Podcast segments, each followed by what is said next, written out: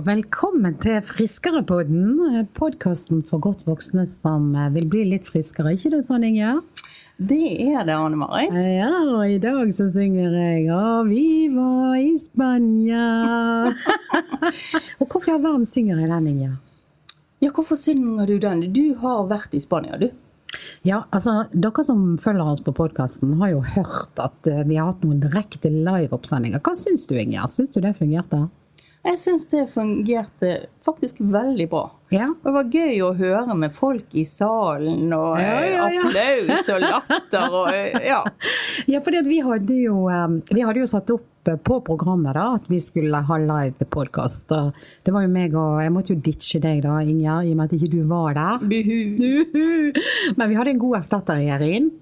eh, Og vi alle lurte jo på hva er det som kommer til å skje på denne podkast live. da, sant? Og det lurte egentlig vi òg på.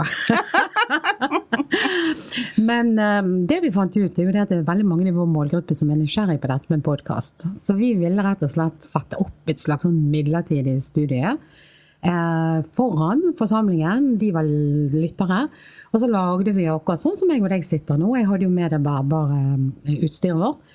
Og så eh, fant vi ut at to kvelder kunne vi i hvert fall gjøre opptak. Ja, de, eh, ikke helt direkte opptak, ikke helt direkte på luften, men eh, likevel eh, litt annerledes enn sånn som vi sitter nå. Ja, sant? for det var jo det er på en måte live der det skjer, og så har vi sendt i etterkant. Men jeg tror folk syns det var kjempegøy å se. For det, det er utrolig mange som ikke vet hva dette med podkast er. Det virker litt sånn mystisk og utilgjengelig på en måte. Så vi, i og med at det er såpass få, så det er jo bare 11-12-13% over 60 år som har oppdaget podkast. Det er ikke mange, Inger.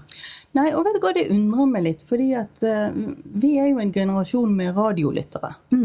Eh, og dette er jo ikke noe annerledes enn å lytte til radio. Nei, nemlig. Og det er jo det jeg sier, at eh, liksom, skal vi forklare hva en podkast er, så er det rett og slett en lydfil. Altså en episode. Omtrent som uh, i et radioprogram. Sant? Og du kan høre det når du vil, og vi kommer jo ut hver onsdag. Så det å eh, vise hvordan dette her faktisk ble tatt opp, og hvordan vi satt der og så på hverandre, vi hadde jo gjester i studio, eh, og ufarliggjøre det litt og tilgjengeliggjøre det litt, det var litt av budskapet vårt. Og du hørte jo på stemningen, det var veldig gøy. Det var god. Ja.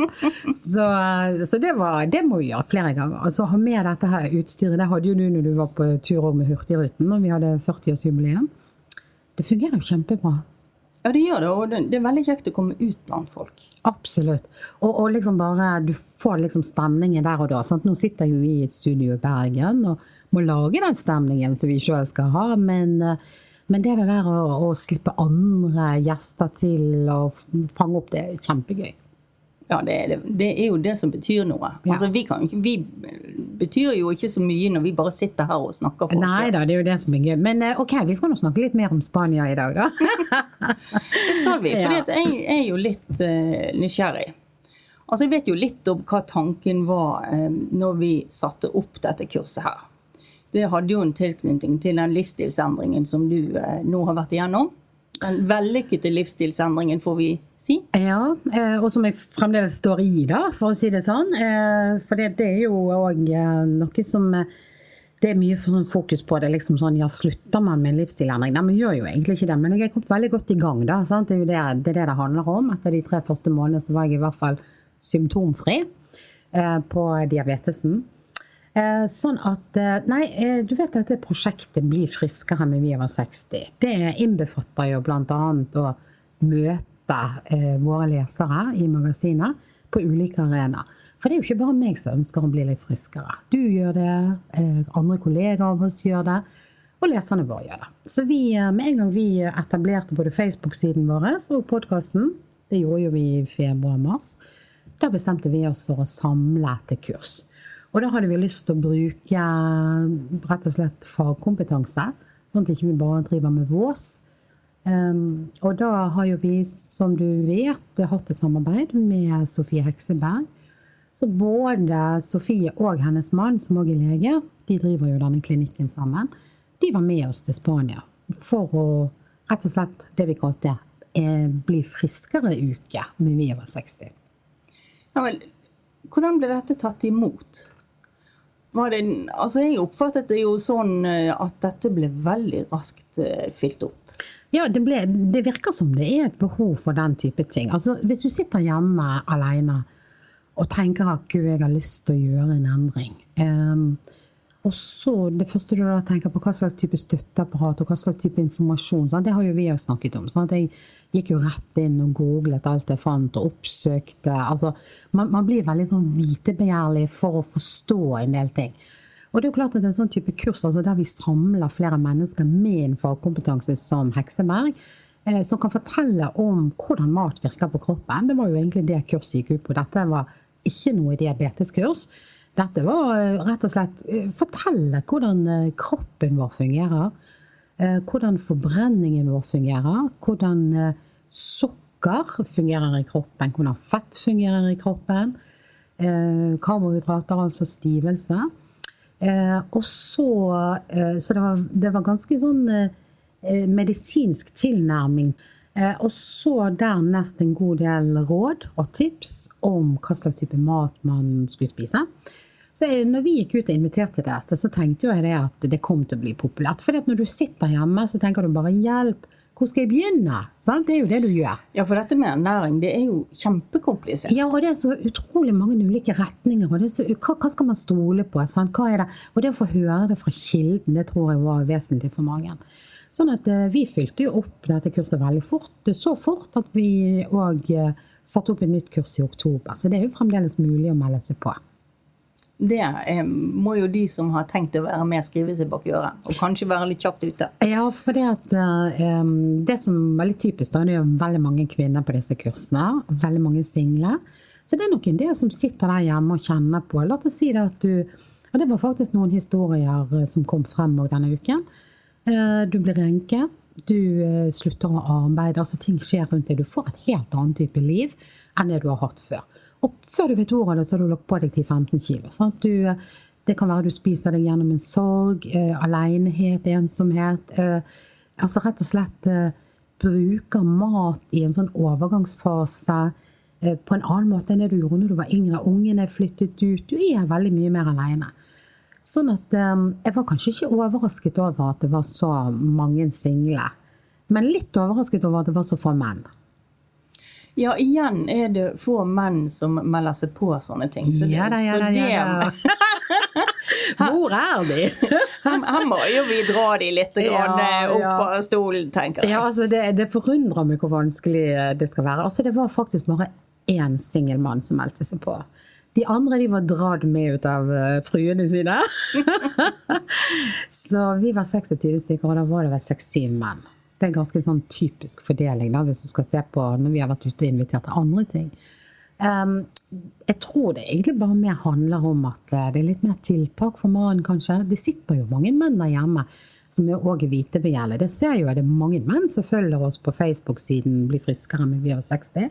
Det ser jeg. Eh, sånn at det er jo ikke det at de trenger det mindre eller er mindre interessert, men um, kanskje litt sånn ut av komfortsonen. Kanskje de har hatt en kone eh, som har stått for matholdet. Kanskje de, de har rett og slett ikke definert det med mat som noe, en greie de alene skulle holde på med. Um, det tror jeg kan være noe av grunnen til at, det, at det er færre menn. da. Eh, men jeg spurte faktisk de mennene som var med, eh, om de bare var med pga. at kona hadde de med. Eh, ja, sa et par stykker. de var nå ærlige, i det minste. Og, og, det så jeg òg, for å si det sånn. Altså, det som var litt interessant, er jo det at altså, dette er jo ikke et kurs der vi er moralske og skal drive med sånn pekefinger eller noe sånt. sånn for det var jo litt sånn forventning når vi møttes, da. Tør vi å spise? For vi var jo et sted med veldig, veldig, veldig god buffé. Eh, både til frokost, lunsj og middag. Så det kan jeg si at eh, både meg og faktisk lege Sofie Hekseberg sa det at vi hadde nok spist mer enn det vi pleier å gjøre eh, der nede på dette kurset.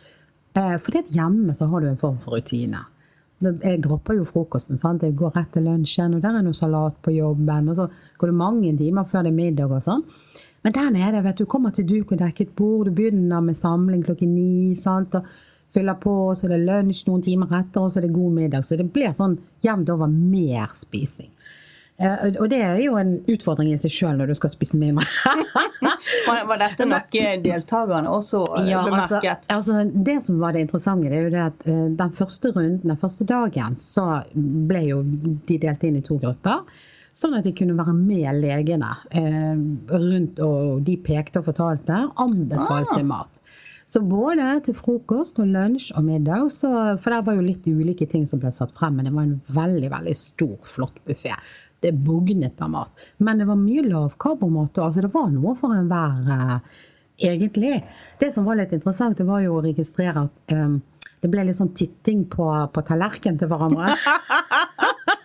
Men da tilbake til det at ikke vi skulle være noe sånn politi på noen slags måte. Men alle følte vel litt sånn ja, altså de gikk ikke og fråtset i kakebordet den første dagen, for å si det sånn, når, um, når uh, disse legene hadde fått gått rundt og vist oss gode alternativer, gode matkilder. Så virket det litt feil å gå bort der med brødet og kakene. Men for å si det sånn, det var en del som slapp opp gaten den siste. det ble litt mer det, det, klart, det var litt ulike grunner til at folk var der. Sant? Altså, noen kjente jo til lavkarbo gikk på en sånn type diett fra før, eller en sånn type kosthold. Og de holdt jo seg til det kostholdet som de var vant til. Andre var bare mer nysgjerrig på hva er dette for noe, og gjerne ville ha teorien, ikke sant. Men tenkte sikkert det at jeg finner ut om dette er noe for meg, og fortsetter å spise sånn som jeg har spist hjemme. Og så var det sikkert noen som tenkte at de skulle bruke denne anledningen til å ta det der lille skiftet, begynne allerede den uken med å spise riktig. Men eh, jeg tror nok det at en del tenkte som så jeg utsetter det til jeg kommer hjem, for her er det veldig veldig, veldig mye god mat. og det var det òg, altså. Men jeg oppfattet jo også fra de eh, podkastene der nede at det var en del som hadde erfaring med dette. Hadde holdt på en stund. Eh, brukte dette kurset som en sånn nytt påfyll, en ny eh, start. Ja, det var, det var det. De færreste hadde var allerede på, på kostholdet. Men det var noen, bl.a. et ektepar som hadde gått på dette her i seks, syv, åtte år. Eller to ektepar var det faktisk. Og av litt ulike grunner. Eh, det jeg hører, det er jo det at det er mye sånn overvekt som er inngangen til lavkarbo og den type kosthold. Men òg det at man blir rett og slett syk. Man kjenner seg syk. Og eh, hvis de da kommer i kontakt med leger, f.eks., eller bare leser seg opp på egen hånd, så tenker de at det er jaggu verdt å forsøke å gjøre den endringen på mat for å se om det blir positive effekter. Sånn at eh, så rent sånn medisinske grunner var det faktisk flere som fortalte om. Eh, ellers er det nok en del på den jeg vil gå ned noen kilo. Eh, dette har jeg hørt skal være effektivt, i hvert fall for noen. Det er jo Hekseberg veldig klar på. at Noen fungerer dette kjempebra på. De er mer sånn nær sagt eh, mottagelig for eh, mm. den, eh, den, type livsstilsendringer som får en god effekt ut av det, mens andre må slite mer. altså. Jeg tenker jo at den kanskje aller viktigste eh, motivasjonen, hvis vi tenker på hva som er rammen for podkasten vår og hele dette Bli friskere-prosjektet, så er det jo nettopp det helsemessige. Absolutt. Og det er det det, det handler om. Sant? Og der var mange interessante fortellinger der.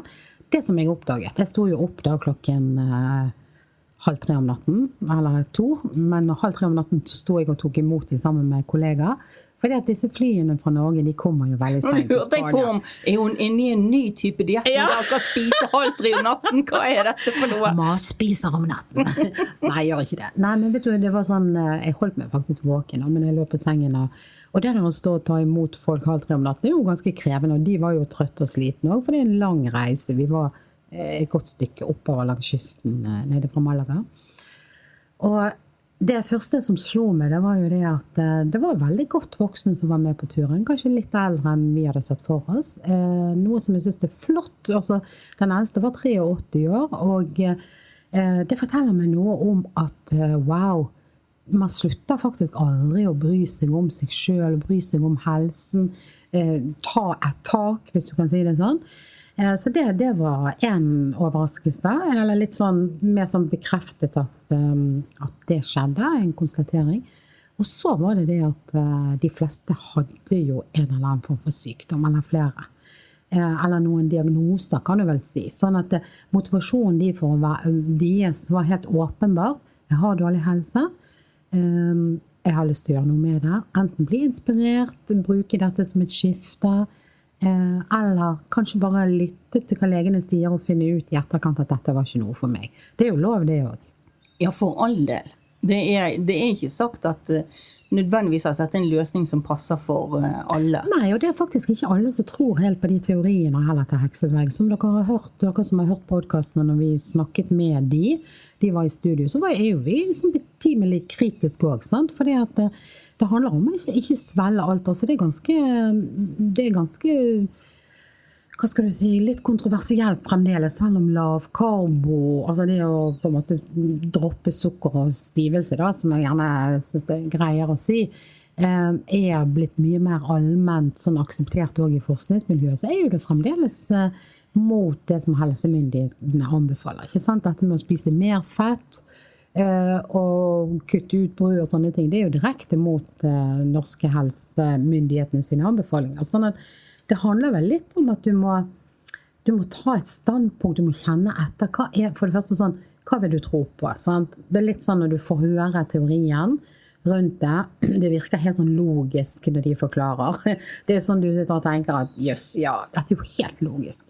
Eh, men det hadde det kanskje gjort om det hadde vært noen andre leger som hadde stått der, som hadde stått i en annen tradisjon. Så jeg, jeg, tenker det at det å være litt sånn betimelig kritisk, det, eller sånn betinget kritisk, det, det tror jeg er sånn jevnt over ganske smart.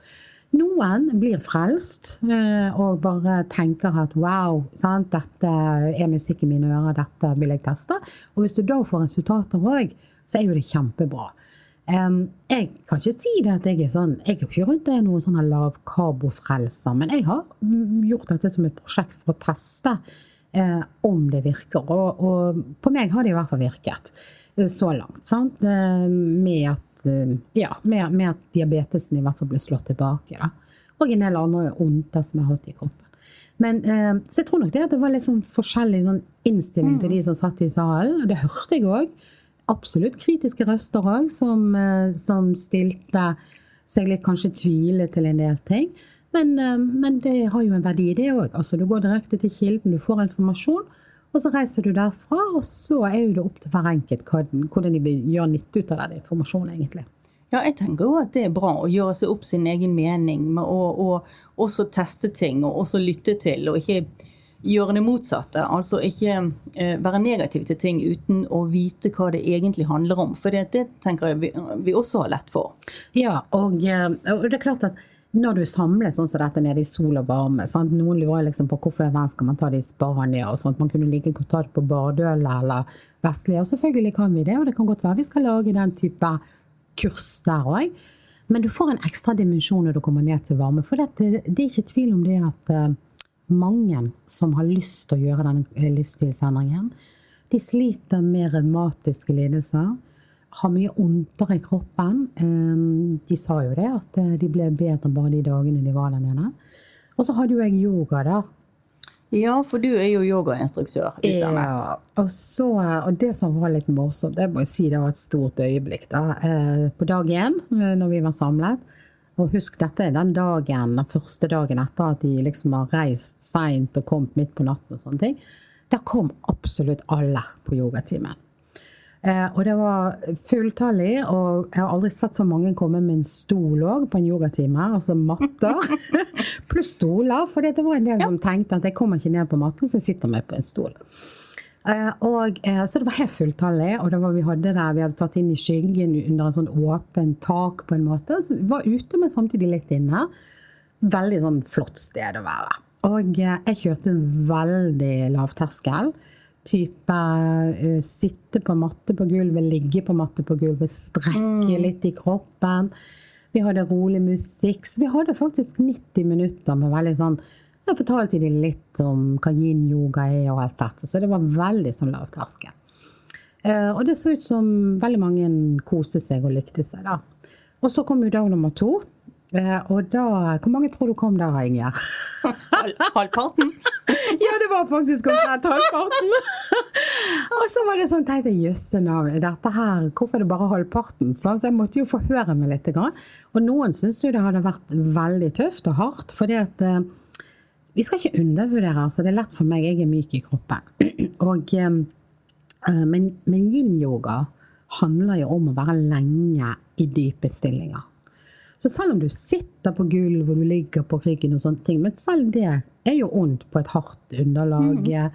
eh, For kropper som ikke er særlig myke, da. Og det er uvant. Det er uvant. sånn at eh, du kan si de som kom med stole, de forsvant. Eller det var kanskje én igjen. Men eh, de, så kom jo de med matta, da. Og jeg må si det at jeg var imponert. For at en av de eldste, han var òg over 80, tror jeg. Han var med helt frem til det bitre end. Fordi at etter hvert som dagene gikk, så falt de fra.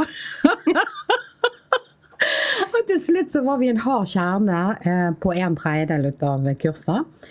Men for å si det sånn, eh, det, jo, det er jo et frivillig tilbud. Eh, flere kom jo bort til meg og hadde dårlig samvittighet fordi at ikke kom, men de sa bare at de hadde fått vondt. For det er jo klart, når man strekker i bindevev som ikke har vært strukket i, så kjenner jo folk det. sant? Så, man, eh, så det var kanskje litt overraskende for meg at, eh, når jeg så at mange hadde også problemer med å komme ned på gulvet, altså bare å innta en sitteposisjon, og langt verre sitte seg i en lotusstilling og sånne ting, altså det var jo veldig få som klarte. Men vi hadde en veldig fin opplevelse uansett. Altså jeg gledet meg til de 90 minuttene hver eneste dag, og den harde kjernen som var med, alle aldersgrupper og flere menn også, som var med på hele av mennene som var med alle dagene. Eh, Vi hadde en veldig fin stund. Du tok det helt ned, hadde fokus på pusteteknikker, eh, lå på gulvet og hvilte, gjorde litt enkle strekk og bøy. Um, en av karene som var med da, jeg kunne ikke forstå helt han eh, når det var gått 50 minutter, så pakket han sammen og gikk. Og det registrerte jeg liksom på dag to. hver gang han var med? Eller? Ja, ja, ja. Så jeg ble så nysgjerrig den siste dagen jeg måtte spørre. Hvorfor går du etter 50 minutter? For da hadde jo fremdeles litt tid igjen. Nei, da viste det seg det at um, han var i 60-årene, midten av 60-årene. Han gjorde yoga hjemme på gulvet på stuen med konen sin. Foran et TV-program. De hadde altså hentet opp et eh, Og det varte i 50 minutter. Så da var han ferdig, han. Da var han ferdig. Så han gikk han. Men han syntes det var veldig deilig. Og konen var jo med òg, men hun var ikke med på yogaen, for hun hadde bristet et ribbebein. Så det er jo klart at folk kommer ned på sånne kurs med forskjellige lyter. Det er jo stive hofter, vanskelige Ja, det, det, det oppdaget jeg. Men eh, det, det var veldig fint, og det er et fint tilbud for de som kan benytte seg ut av det. da. Og vi hadde jo òg morgengymnastikk, eller sånn morgentrim hver eneste morgen. Og der skjer jo egentlig akkurat det samme. Sant? Første dagen så kommer det en stor gjeng, og så faller de litt fra eh, underveis. Men det viktigste er tilbudet er der, de som vil benytte seg ut av det. Men er ikke dette også et bilde på ting som vi setter i gang med? Enten det er trening eller kostholdsomlegging. Sant? Vi går ut med for fullt, Ja. og så går det en stund, og så dabber det av. Og akkurat det Inger, skal vi snakke om i neste episode. Hvordan faktisk klare å holde ut. Hvordan klare å holde seg gjennom en sommer og forskjellige fristelser. Ja, rett og slett hvordan stå i det. Ja, Så det tar vi i neste runde. det tror jeg blir et godt tema. Ja. I dag eh, skal vi snakke litt mer om dette med revmatisme. Vi har jo faktisk vært inne på det òg. Det var mange som kom på dette Bli friskere-kurset, som faktisk hadde ulike revmatiske eh, diagnoser. Eh, hva, og vi, i Viva 60 har jo skrevet en flott sak om det. Så hva kan vi si? Hva, hva, altså, altså vi, hvis vi snakker om leddgikt, da, det er jo en kronisk revmatisk sykdom. Hva kan vi si om eh, den diagnosen? Leddgikt, eller det som på fagspråket heter revmatoid artritt, det er den vanligste revmatiske lidelsen eh, i Norge. Vi vet eh, egentlig ikke hva det kommer av. Eh, det er jo sånn med mange sykdommer. Jo mer jeg nå sitter og, og intervjuer eksperter og graver i eh, helse, så er det mange sykdommer som vi egentlig ikke vet hvordan de oppstår. Men hvordan, eh, for, for oss som ikke kan så mye om dette, hva er en revmatisk lidelse? Det er en eh, betennelsestilstand. Og når det gjelder eh, leddgikt, så er det en betennelse i bindevevet eh, i leddene. Og du får det oftest i de ytterste eller midterste leddene, f.eks. på eh, føttene, tær og hender. Får både kvinner og menn dette? Ja, men det er flere kvinner enn menn som får det. Ja, hva er grunnen til det? Nei, det, det vet man ikke. Eh, Det eneste man vet helt sikkert, det er at eh, røyking det disponerer for leddgikt. Det òg at har du først fått leddgikt, eh, og hvis du røyker, så får du det også dårligere enn om du hadde latt være. Men, men hvordan, hvordan, hvordan oppdager du egentlig at du har det? Altså, hva er de første symptomene?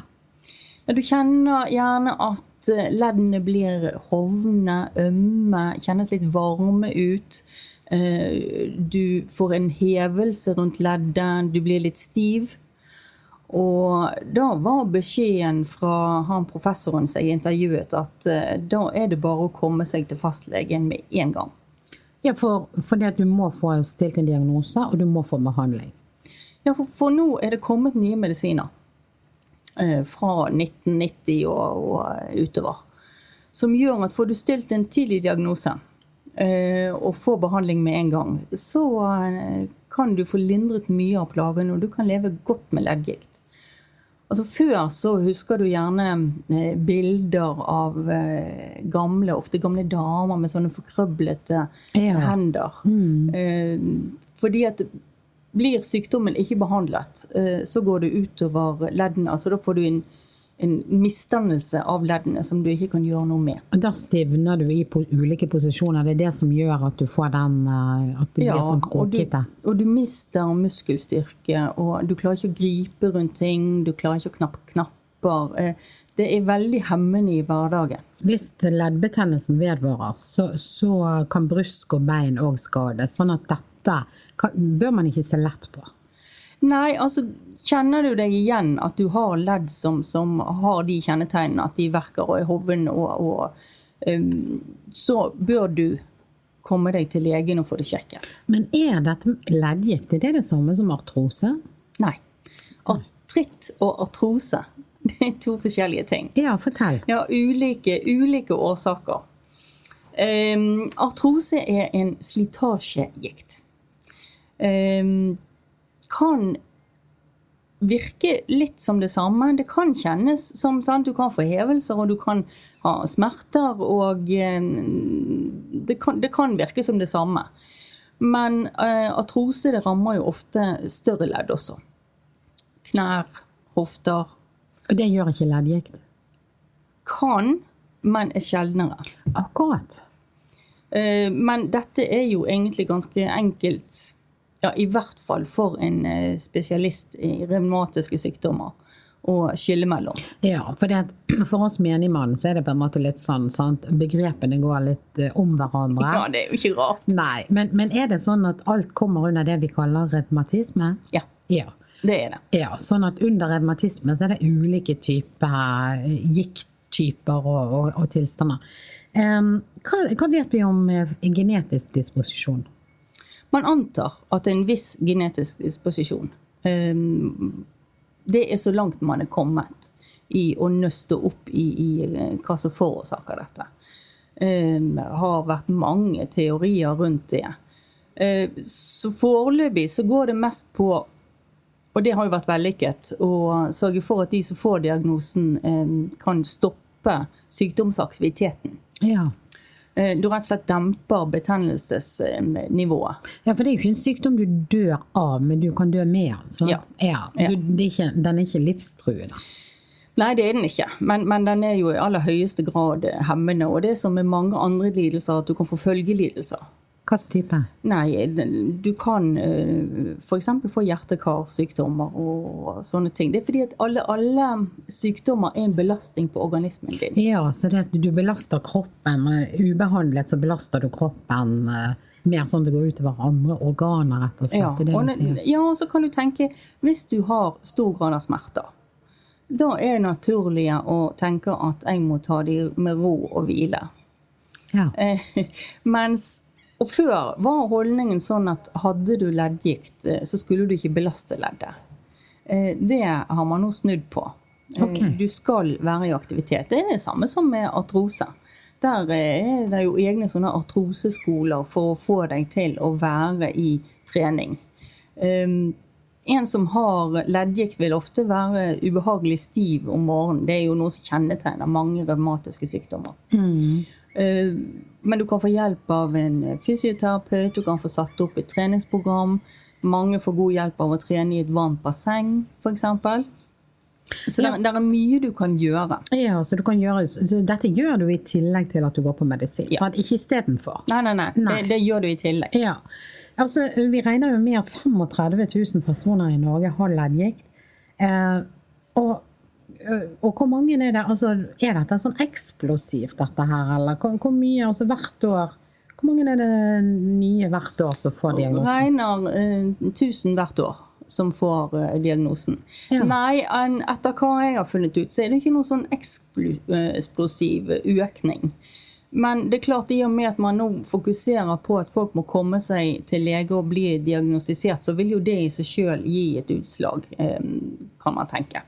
Men vi, vi er jo en podkast for godt voksne. Eh, er, det, er dette her sånn et, et gammelmannsproblem, eller? Ja, det er, jo, det er jo noe som Altså Det kan bli diagnostisert i ung alder, og det er mange unge med leddgikt, for all del. Men det er jo sånn at eh, plagene de, de, forsterker seg gjerne. Og det skjer jo med mye. Med, ja, med, med alderen. Ja, så du kan få diagnosen. altså Du kan egentlig få en tidlig diagnose, ikke merke så mye til det, men det blir verre med årene. Ja. ja. Av aldring og slitasje. Altså. Ja, det er en andre ting som kommer inn. Ja. Sånn, er, sånn, sånn er nå denne pakken. Vi har denne kroppen og denne maskinen vår. Alt henger sammen med alt. Ja, alt henger sammen måte. med alt. Ja. Det, det, tenker jeg. Det er ikke bare på én måte. Jeg tenker at sånn er det. Ja, det er det. Sånn at, og det er derfor dette her med, med den, den, litt sånn tunge og vanskelige spiral, hvis du liksom først får noe, sant, så Og hvis du ikke klarer å stoppe det, så, så eter det på en måte på seg. Det er akkurat som en dominoeffekt. Og Det som jeg også syns var litt interessant når, når jeg eh, leste om dette, det var jo at um, når du får denne sykdommen, som jo er en fysisk konsekvens også, men du får ofte en, en sånn tretthet fatigue. Altså en stor ja. grad av tretthet. Eh, ja. Og ikke det er sånn at du òg blir litt nedstemt, eller mange jo. blir det? Jo, mange blir Så det, det påvirker psyken? Ja, det gjør det. Du blir litt nedstemt, du blir litt irritabel. Uh, mens på den andre siden, hvis du har en tro på at du kan bli bra, så har det i seg sjøl en positiv effekt. Akkurat. Er ikke det fantastisk? Jo, det er fantastisk. Så din, din holdning altså til din egen sykdom eller ja. lidelse, den påvirker? Ja i positiv retning. Ja. Det er jo helt utrolig. Men hva eh, dette med, med eh, altså Du sier dette med fatigue. Det er jo, så, det er jo en trøtthetssyndrom, ikke det? det eller man blir, man blir helt utslitt, ikke det der Som Jo, du, du, du, har et veldig lavt nivå av energi, energi, og det er jo noe som kjennetegner en god del kroniske lidelser. Hva, hva, hva, slags sammenheng ser Vet vi noe om det? Hva sammenheng forskerne? Hvorfor er det sånn at hvis du har leddgikt, så blir du mer nedstemt, og du blir mer sliten. Er det fordi det er smertene som tar energien, eller?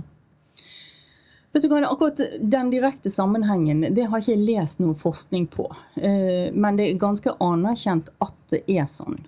Eh, jeg vil tro at en kombinasjon av at ja, du kan jo tenke deg hvis du, hvis du lever med smerter dag ut og dag inn, så, så blir du ganske sliten eh, av det. Eh, og så tenker jeg også at dette er en betennelsestilstand i kroppen. Og en betennelsestilstand i seg sjøl, den, den, trekker jo ut eh, energi av deg. Mm. Men hvis du da går til legen, hvordan er det de stiller diagnosen? Eh, legen vil jo spørre deg en del ting. Hvordan du har det om morgenen f.eks. Hvordan det kjennes, om du har vondt, hvor du har vondt vil kikke på leddene dine, vil ta blodprøver. For det er noen sånne eh, blodprøver på antistoffer som eh, ja, 50-60 tror jeg det var, har. Som eh, understøtter diagnosen. Og så blir du gjerne henvist til en revmatolog. Så får du tatt røntgen, eventuelt MR. Det har, eh, pågår veldig mye god forskning han, professoren jeg snakket med, han holder til på Diakonhjemmet sykehus i eh, Oslo. Han er også tilknyttet Universitetet i Oslo. Eh, og de holder på med mye spennende forskning. Ja, i og med at det er 1000 nye hvert år som får eh, diagnosen leddgikt, så er jo det på en måte en ganske stor gruppe mennesker som går rundt og har vondt. Ja. Ja. Og det at det er kommet såpass gode medisiner som virker for såpass mange. For det må vi jo eh, også være klar på at det er jo sånn at eh, alle medisiner virker jo ikke for alle. Men vet vi noe om mat virker eh, bra på leddgikt? Det er ulike teorier om det, i hvert fall som kan gjøre leddgikten verre. Eh, Men det er ikke noe som er underbygget. Men sånn som det er jo noen som sier du skal ikke spise rødt kjøtt, f.eks. Det, det kan gjøre det verre. Svinekjøtt? Ja, altså der, der er enkelte sånne mattyper som eh, Altså det skader jo ikke å forsøke å holde seg unna det. Men det er ikke noen sånne spesielle anbefalinger hvis man skal få mindre betennelser? Ikke blant eh, det offisielle, men eh, det kan jo være vi får høre mer om. Jeg vil tro det. Vi, dette ligger jo i, i dette med kostholdsanbefalingene.